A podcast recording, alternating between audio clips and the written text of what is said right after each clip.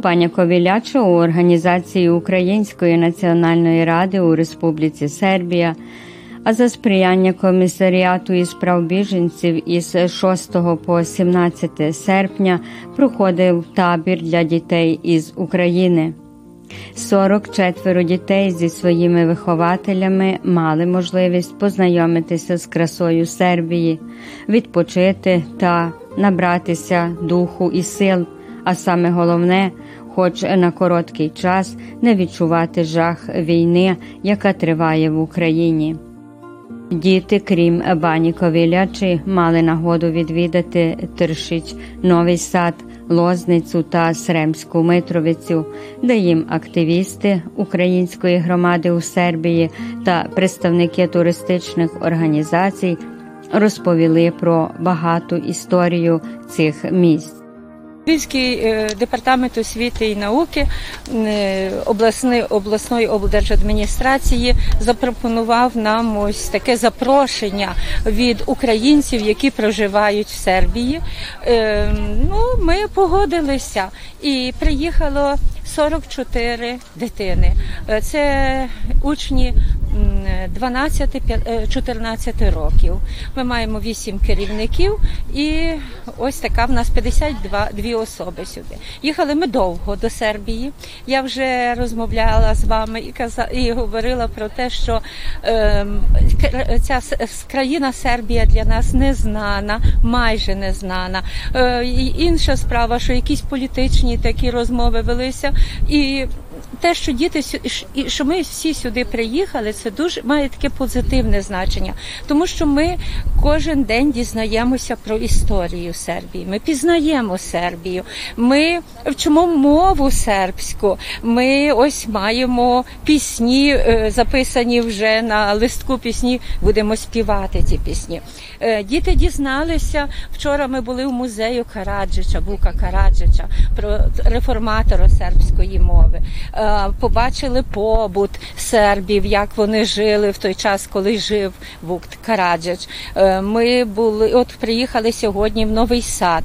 Е, діти знають, що є п'ять міст, де живуть так проживає більшість українців, з якими кордони Сербії, з якими як їх багато тих країн, з якими межує Сербія, і природа Сербія нам подобається. Вона якась така десь нагадує чимось нам Карпати, навіть ото Прикарпаття, Сколівщину, е, так, Сколівщину. О. Тільки що гори в нас хвойні і, можливо, трохи вищі. Е, якраз зараз, коли канікули і в Україні, і тут діти мають більше такої якоїсь е, свободи, е, познайомляться з цим, поговорять. Зараз може і в Україні буде навчання продовжуватися онлайн, чи, чи як, коли така якщо будуть укриття в школах укриття, то буде буде навчання офлайн. Якщо не буде укрить, то буде звичайно онлайн. Це все і це все на рішення батьків, як батьки дозволять. Але знаєте, ще чим добре тут дітям нашим, які приїхали, тут немає тривог. Та діти не чують, е, що виють сирени, і дуже спокійно. Вони так мов би, відірвалися від того такого якогось ну, тривожного життя, яке є зараз в Україні. Тому ми безмежно вдячні сербам. Безмежно, власне, українцям, які проживають тут в Сербії, які запросили нас. Я думаю, що то взаємна така вигода. Ми пізнаємо Сербію, дізнаємося більше про українців, які тут є. А українці, які проживають в Сербії, мають нагоду трошки допомогти е, Україні. Я дуже дякую. І ще раз я хочу висловити ну щирі слова вдячності, тому що ми бачимо, як стараються е, всі українці, які тут є в Сербії, так і ми з сербами познайомилися, бо вони є в обслузі, десь на кухні є. Так що е, ця поїздка є дуже приємна і дуже, і я дуже вдячна. Ми дуже вдячні так за це. Новий сад, де перебували 10 серпня, їм дуже сподобався а найбільше Новосадська фортеця, крізь яку коротко з її історією їх познайомив голова Українського культурного центру Кобзар із Нового Саду Мирослав Калинюк. Ти де навчаєшся, в якій школі, який клас? У Львові ліц- ліцею Львівському е, переходжу в шостий клас. Мені добре, тому що в мене там є друзі, в нас зробили ремонти, гарне харчування, і мені там подобається, тому що там гарно навчатись добре. Молодець. Ви приїхали сюди, ти вже трошки познайомився з друзями, е, побачив Сербію. Як тобі? Ну тут дуже цікаво, тому що ми побачили багато архітектури різної. О, і тут дуже е, навіть дуже схоже, трошки схоже на наш е, Львів- рідний Львів. Чи вже знайшов друзів, познайомився? Та багато друзів. У нас вчора були вистави, то ще більше познайомилися. Ну, молодці, будете підтримувати контакти і далі. Так, ми вже зробили чайну секту навіть. Молодець. Е, Сьогодні ви в новому саді вже дещо бачив. Як тобі таке місто, як новий сад? О, дуже е, цікаво, тому що е, я, нам розказували на екскурсії, що тут дуже багато е, людей робило самі оборони. Що тут є три оборони і навіть 16 кілометрів підземних катакомб е, для людей. Ну, дуже цікаво. Ти вже багато взнав, а чи колись, е, чи колись ти може чув за таке таку Україну? Ні, ні, про Сербію я чув, але про такі чуда я ще не чув. Е, Як вам подобається новий сад? Е, Чи вже багато чого взнали, познайомилися з друзями? Так, дуже сподобалось, познайомився з багатьма друзями. Тут просто вражаючі будівлі, цей замок. Нам дуже багато розказали про нього, про ці лінії захисту. Мені дуже сподобалося. Були знайомства різні, і тепер я маю багато друзів, і ми будемо далі підтримувати контакти. Е, мова сербська важка. Ну, важка, але потрохи вже вчимося, знаємо декілька слів вже. Що сам? Наприклад, добродошлі це ласкаво просимо, хвала це дякую, добродан це добрий день. Молодець. А де навчаєшся в Україні? У Львівському економічному ліцеї. Це який клас? Е, вже восьмій переходжу. Я у винниках навчаюся у 29-й школі. А як тобі новий сад? Як тобі Сербія? Ну, мені дуже сподобалося. Ми кожного дня дізнаємося щось різне, і мені це подобається. Е, навчилась трошки сербської, деякі слова. Це ріжка, але так і не розумію. Ну, по суті, можна зрозуміти, але так, щоб е, все е, так ну, нормально, то не дуже. Нічого, друзів, напевно, знайшла. Коли будете, коли будете розмовляти, ти ще більше навчишся. Так. Я дуже багато друзів знайшла. Е, Я думаю, що із задоволенням, чого бачила і з ким познайомилася, коли повернешся в Україну, гарно будеш розказувати про це все і колись приїдеш ще. Е, ну, можливо, ще колись приїду. Ну, це залежить від батьків. Або від мене, коли я подорослішаю. І ти навчаєшся де? Е, теж в винниках 29-й школі. Е, Що саме запам'яталося? Мені запам'ятався той годинник і, новому саді. там, і охорону. Вона така. Ага, оцю історію, що вам розказувала. Е, Скажи, будь ласка, друзів багато знайшла, розмовляєте, вчиш сербської трошки. Трохи вчу сербської. Е, ну, ну, не дуже вдається, але виходить трохи. Буде. Це тільки початок, а буде ще багато таких е, разів. А друзів знайшла багато. Багато. Контакти будуть. Напевно, що будуть. Тобі, звичайно, як і всім твоїм е, друзям сподобалась Сербія. Дуже нам сподобалось, нас тут добре прийняли. Їздили по різних містах, архітектура гарна, навіть трохи подібна на Львів. Цей замок просто неймовірний, тут той захист того замку. Дуже сподобалось. Е, Щось вивчив, якісь слова. Ну так не дуже, але мова, деякі є подібні слова, можна зрозуміти. Друзів є, дівчат, хлопців. Та багато друзів завів, спілкуємося. Баня Ковіляча організації Національної ради Української національної меншини у Республіці Сербії та за сприянням комісаріату у справах біженців вчинила багато. Цей літній табір для дітей із України для них був дуже важливим. Як ми вже сказали, 44 дітей зі своїми вихователями мали гарну можливість познайомитися з красою Сербії. У неділю, 14 серпня, діти з України відвідали Сремську Митровицю, де проживає чисельна українська громада. Діти насамперед побували на службі Божій у церкві Вознесіння Господнього, де разом з парафіянами молилися за мир у Україні і у цілому світі. Нині мали таку гарну візиту дітей з України, гості з України, котрі прийшли бачити країну Сербію, вийти з України, бо всі знаємо, яка ситуація на Україні. Ми бачимо, що як переходить наш нарід, бо через це ми, якщо молимо перша ектенія, каже за мір цілого світу, Господові, помолимося. І молимося не тільки для України, але для кожної країни, де є війна. Також молилися після святої літургії молебен до Пресвятої Богородиці, щоб дала селе народу на Україні. Якщо каже Свята Євангелія нинішня від Матея, як Петро почав йти по водою і нараз як ще настрашив, що почав іти долину до води, і що йому Ісус Христос сказав: не бійся. Ісус Христос не зупинив вітер і моря, але сказав йому: не бійся. І щоб він мав віру, що як Ісус Христос з нами, це означає, що ми можемо все це перемогти.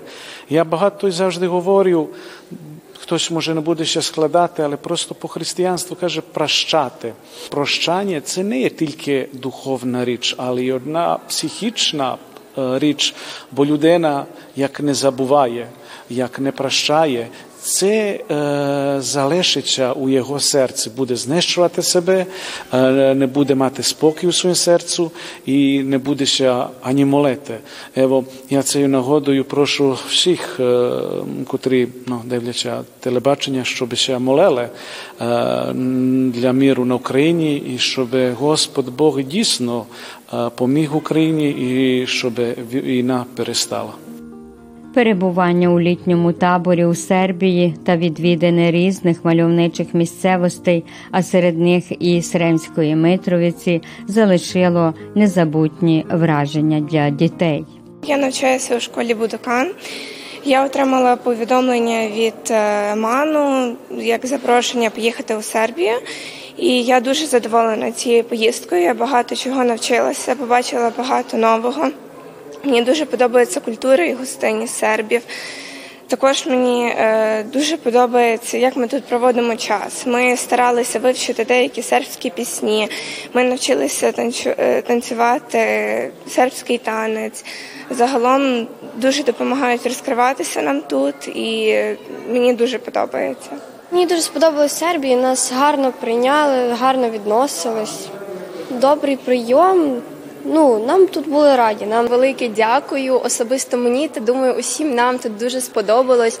Теплий прийом, хороше відношення, архітектура, культура і, взагалі, багато речей нас дуже гарно розважали, і все було на висоті. Дякую. Під час перебування в Сремській Митровиці діти відвідали царську палату і музей Срему та познайомилися з історією міста Сремська Митровиця.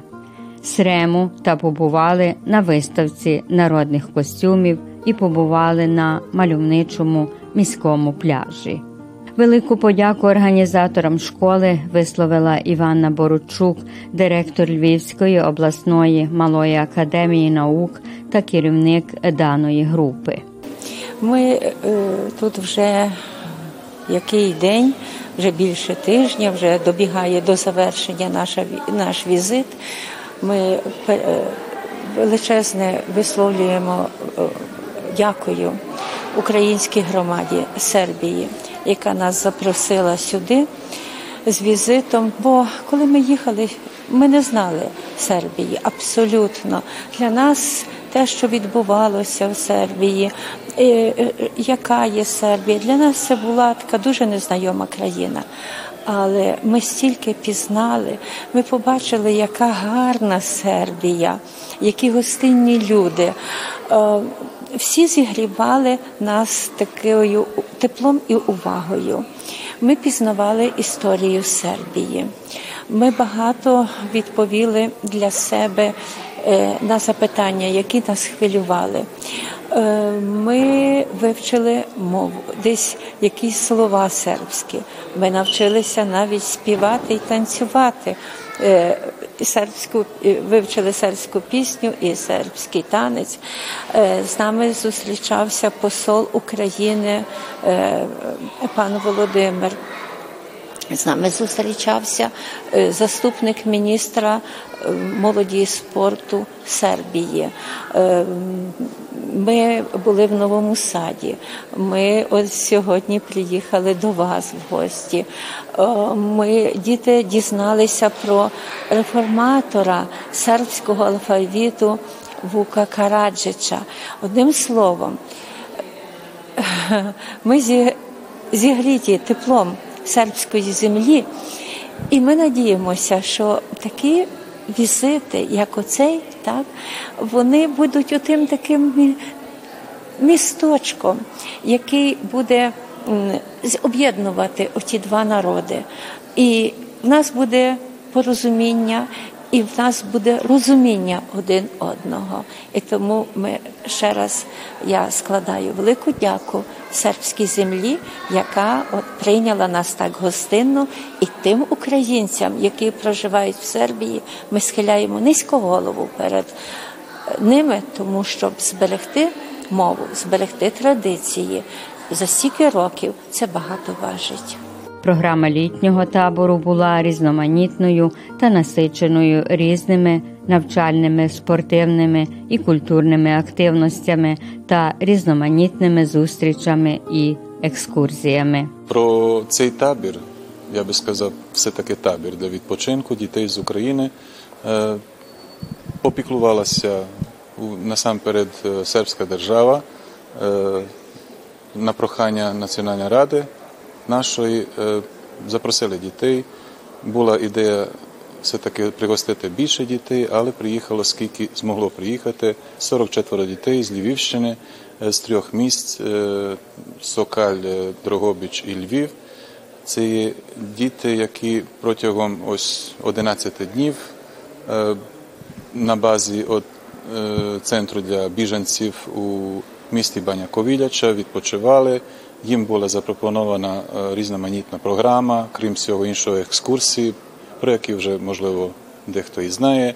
Вони були в містах е, Тершіч, е, у монастирі Тронуша, відвідали і Новий сад, само собою, побували на Петровардинській фортеці. Їм там наші активісти з Нового Саду, ну, насамперед голова товариства Мирослав Каленюк постарався розповісти все, що є цікаво про цю Петровардинську фортецю, і не тільки, а і про саме місто Новий Сад мали змогу значить, відвідати і центр самого міста Новий Сад, побувати і в катедралі, і прогулятися найстаршою частиною міста Новий Сад, вулиці, які наші глядачі звичайно знають. Крім всього іншого, самі вихователі намагалися організувати дітям такий активний відпочинок, щоб діти брали участь у різних конкурсах. Тобто, все зроблено для того, щоб діти е, якомога е, більше розвантажили свої думки про це, що зараз відбувається в Україні. Як мені казали самі вихователі, от діти мали змогу тут, е, хоч на, на мить, на короткий час, забути про те, що зараз відбувається в Україні, що вони Е, ховалися у бомбосховищах. Коли завжди, коли є ця повітряна тривога, вони змушені втікати, ховатися, ніде немає певності. От за цих 10 днів, скільки вони тут, вони все-таки мали можливість е, бути дітьми, відпочивати, бавитися, брати е, участь у різних конкурсних програмах. Ну і само собою познайомитися з Сербією, кустосів, які нам розповідали про про от е, багатство краю, де ми знаходилися, Бані Ковіляче і околиць. Там їм розповідали про е, ті ті часи, через що от відомий той край, що там воювалися самі великі битви Першої світової війни. От. І і само собою про саме місто Баняковіляча, чим, чим воно чим воно відоме е, історично і як воно зараз живе. Кажу, от більше, ніж насичена програма за такий короткий час була запропонована дітям. Я бачу, що діти задоволені, що вони потоваришували між собою, що вони з задоволенням брали участь у всіх конкурсних програмах. Само собою, не всі діти, але ті. Е, більшість може сказати, е, з увагою слідкували за всім, що їм розповідали. Тобто вони хочуть дізнатися якомога більше про Сербію і про той край, от, куди їх привели. Національна рада е, є організатором цього табору. Допомогло цей комісаріат у справах біженців. Ну, само собою, що все зроблено для того, щоб е, Національна рада, як як, як наша організація, е, то зробила свого боку все, що змогла, от щоб якомога е, насиченіша програма, краще, краще програма була продумана для дітей, які перебувають в цьому таборі. Літній табір для дітей організувала Національна рада української національної меншини у Республіці Сербії за сприяння комісаріату у справах біженців та міграції Сербії. Приємні враження про літній табір ще довго будуть зігрівати серця учнів та керівників і організаторів та всіх причетних до роботи цього табору.